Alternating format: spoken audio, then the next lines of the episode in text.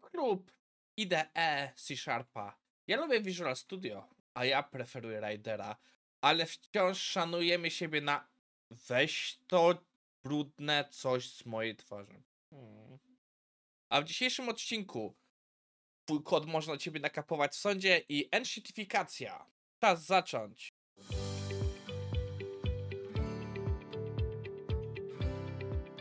Cześć, nazywam się Maciej Wyrodek, a to jest IT Morning na 18 października 2023. E, w dużym skrócie, IT Morning jest to zbiór ciekawych artykułów ze świata IT, które mają pomóc w waszym codziennym rozwoju. Nie będę się powtarzał z wczorajszego odcinka, ale najprawdopodobniej w listopadzie będziemy robić eksperyment, gdzie będzie mniej odcinków w tygodniu. Jest to podyktowane tym, że przyznam się szczerze, coraz mniej wyrabiam z robieniem pięciu odcinków w tygodniu i chcę zobaczyć, czy zmienienie trochę formy pomoże. E, także zbieram wasz feedback, że jeśli macie coś do przemyślenia, zachęcam do podzielenia się. I żeby nie przedłużać, przechodzimy do naszego pierwszego materiału, który jest, jak widzicie, z newslettera Molly White. Jeśli nie wiecie, kim jest Molly White, ona odpowiada za Web3 is doing great. Blog, który podsumuje różne wpadki z e, Web3. E, I obecnie co się dzieje, także ona ma serię artykułów poświęconą procesowi e, Sam Bankrupt związanego z FTX. Jeśli nie wiecie, kto to jest i co to jest FTX, to super. Nie wam to potrzebne do życia, ale w dużym uproszczeniu w świecie kryptowalut i tak dalej, FTX to była jedna z większych, jakby to powiedzieć, kantorów czy miejsc, gdzie można było właśnie handlować walutami, na nie obstawiać i tak dalej, i tak dalej, i tak dalej. I mieli bardzo dużą bankrupcję w zeszłym roku i się okazało, że tak naprawdę E, działali nielegalnie i nie wierzyli pieniądze ludzi, których nie powinni prze przewierzyć. I między innymi skończyło się tym, że e, właśnie obecnie jest prowadzony proces przeciwko sam Bankrupt Friedowi. Tyle kontekstu. I akurat co mnie zaciekawiło, bo mieli tak dobrze kod napisany, że wydarzyło się coś, czego ja się nie spodziewałem. W ramach. A, bo jeszcze to może dodam. Osobiście śledzę ten proces, między innymi z relacji Molly White, bo przyznam się szczerze, mi się to czyta lepiej niż niejedną telenowelę. Naprawdę mi się to przyjemnie czyta, tak z czystej takiego Schadenfreude. Więc jeśli lubicie takie rzeczy, to może was zainteresować. Ale wracając do bieżącego e, tematu.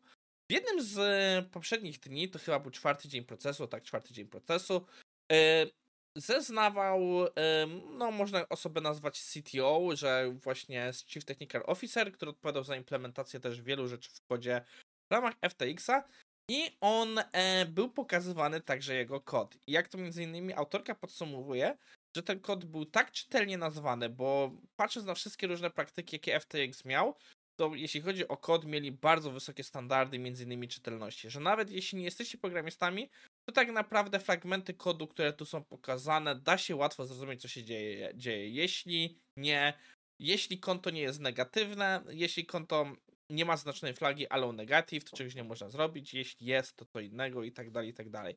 Praktycznie to się czyta bardzo przejrzyście, bo częściej związane jest to z Pythonem, po drugie jest no właśnie z bardzo dobrym e, standardami nazewnictwa stosowanych właśnie przez nich. Więc mi się to bardzo spodobało, jeśli chodzi o jakość kodu, że może warto będzie można tam kiedyś spojrzeć, jak będą te wyniki procesu, co faktycznie się działo. Ale co tu warto wiedzieć? W Ameryce e, ten proces jest prowadzony przez e, tak zwany jury, czyli oni mają chyba 12 osób randomowo wybranych z kraju, które po prostu występują, czy tam ze Stanów, to już nie jestem pewien, które po prostu oceniają, e, która strona ma rację, czy, czy prokuratorzy, czy właśnie e, obrona. I Sędzia tutaj pełni bardziej rolę osoby, która pilnuje, żeby proces przedstawiania dokumentów był poprawny i tak dalej, ale nie on jest decydujący, jak na przykład u nas. Wiadomo, mają wiele innych wersji także procesów, ale ten, ten format został tu wybrany. Więc o co chodzi? Mamy 12 osób, które mogą kompletnie nic nie wiedzieć o kodzie, i twórcy e, i pro, pro, prokuratura wybrała, że ten kod nadaje się do prezentacji w ramach tej sprawy. To jest na tyle czytelny kod, że nawet osoby, które nie są techniczne, są w stanie zrozumieć, co tu się wydarzyło. I tak trochę jak to się śmiałem w tytule, jaki jest z tego wniosek? Jeśli będziemy, jeśli będziemy, jeśli będziecie, bo ja nie planuję, robić gdzieś jakieś przekręty związane z waszym kodem, że kod ma robić coś nielegalnego, definitywnie nie powinniście go pisać w czytelny sposób, bo jeszcze zostanie to użyte przeciwko wam. Dużo mówienia jak na taką prostą sprawę, ale czasem trzeba coś dużniejszego powiedzieć. Przechodzimy dalej, bo jesteśmy dalej w tematach ciężkich i no, otworzyłem stronę, więc niepoprawnie się otworzyła rzecz. E, to nie jest temat super nowy. Mam wrażenie, że gdzieś o niego już haczyliśmy w odcinkach. E, chodzi o termin, który się nazywa enshitifikacja. Artykuł jest o, ogólnie o TikToku, ale to jest termin, który od tamtego czasu trochę wszedł w język. E, próbuję wymyślić, jakby to przetłumaczyć, żeby nie klnąć. ogólnie bym powiedział, że pogorszenie się systemów, ale to, to jest trochę bardziej kolorowo określone. Autor opisuje nam pewien proces platform, że zaczyna się od tego, że platformy e, starają się być po prostu gwiazdą, starają się być najlepszą platformą i chcą pokazać, że są ważni dla użytkownika, przynoszą wartość. Więc użytkownicy wchodzą na tą platformę, zaczynają z niej korzystać, platforma rośnie w popularności. To dochodzi do sytuacji, że e, klienci, żeby móc. I tutaj jest przykład Amazona, w naszym wypadku może być trochę pyszne.pl, tak wymyślam, bo nie do końca wiem, jak tam będzie pod spodem działało. E, I firmy, żeby istnieć, muszą powoli zacząć wchodzić na tą platformę, bo inaczej nie mają szans. Więc jeśli na przykład e, restauracja chce działać z dowozem, no to tak naprawdę jeśli nie jest na pyszne.pl czy Glovo, to za bardzo nie ma szans. Więc wchodzą na te platformy i tak naprawdę te platformy rosną, e, rosną, rosną, coraz więcej ludzi jest. W pewnym momencie stają się na tyle dominującą siłą na rynku, że jak cię tam nie ma, to już, to już jest problem. I platformy przestają rosnąć. Nie dlatego, że nie chcą, tylko że już po prostu wszyscy, których mogli zaabsorbować, już na nich są i tak naprawdę wejście w nowe rynki, jak na przykład osoby z niepełnosprawnościami, jest dla nich nieopłacalne, bo jest za drogie lub po prostu nie mają możliwości, bo już konkurencja jest za mocna. No to co się zaczyna? Zaczyna się wyciskanie e, klientów, zaczyna się wycisk podnoszenie cen, i tak naprawdę to wszystko powoduje, że ten jakość robi się coraz gorsza, że są wprowadzane feature'y, które z naszej perspektywy nam są niepotrzebne, ale które nam bardzo utrudniają życie. Że na przykład autorzy pokazują tutaj, że właśnie w przypadku Amazona jest coraz trudniej zrobić zakupy tego, co chcemy. W sumie sam to widzę. Jak jeszcze jakiś czas temu kupowałem rzeczy na Amazonie, tak naprawdę niedługo po tym, jak Amazon szedł do Polski, praktycznie przestałem, bo rzeczy, które kiedyś chciałem i były na Amazonie, nagle nie potrafię ich znaleźć. I tak naprawdę powoduje się to, że Amazon też, żeby czym więcej zarobić, żeby zaspokoić swoich stakeholderów, to zamiast pokazywać nam to, co my chcemy, pokazuje tak naprawdę ludzi, którzy nam więcej zapłacili za reklamy, żeby produkt, który chcemy, był kupiony.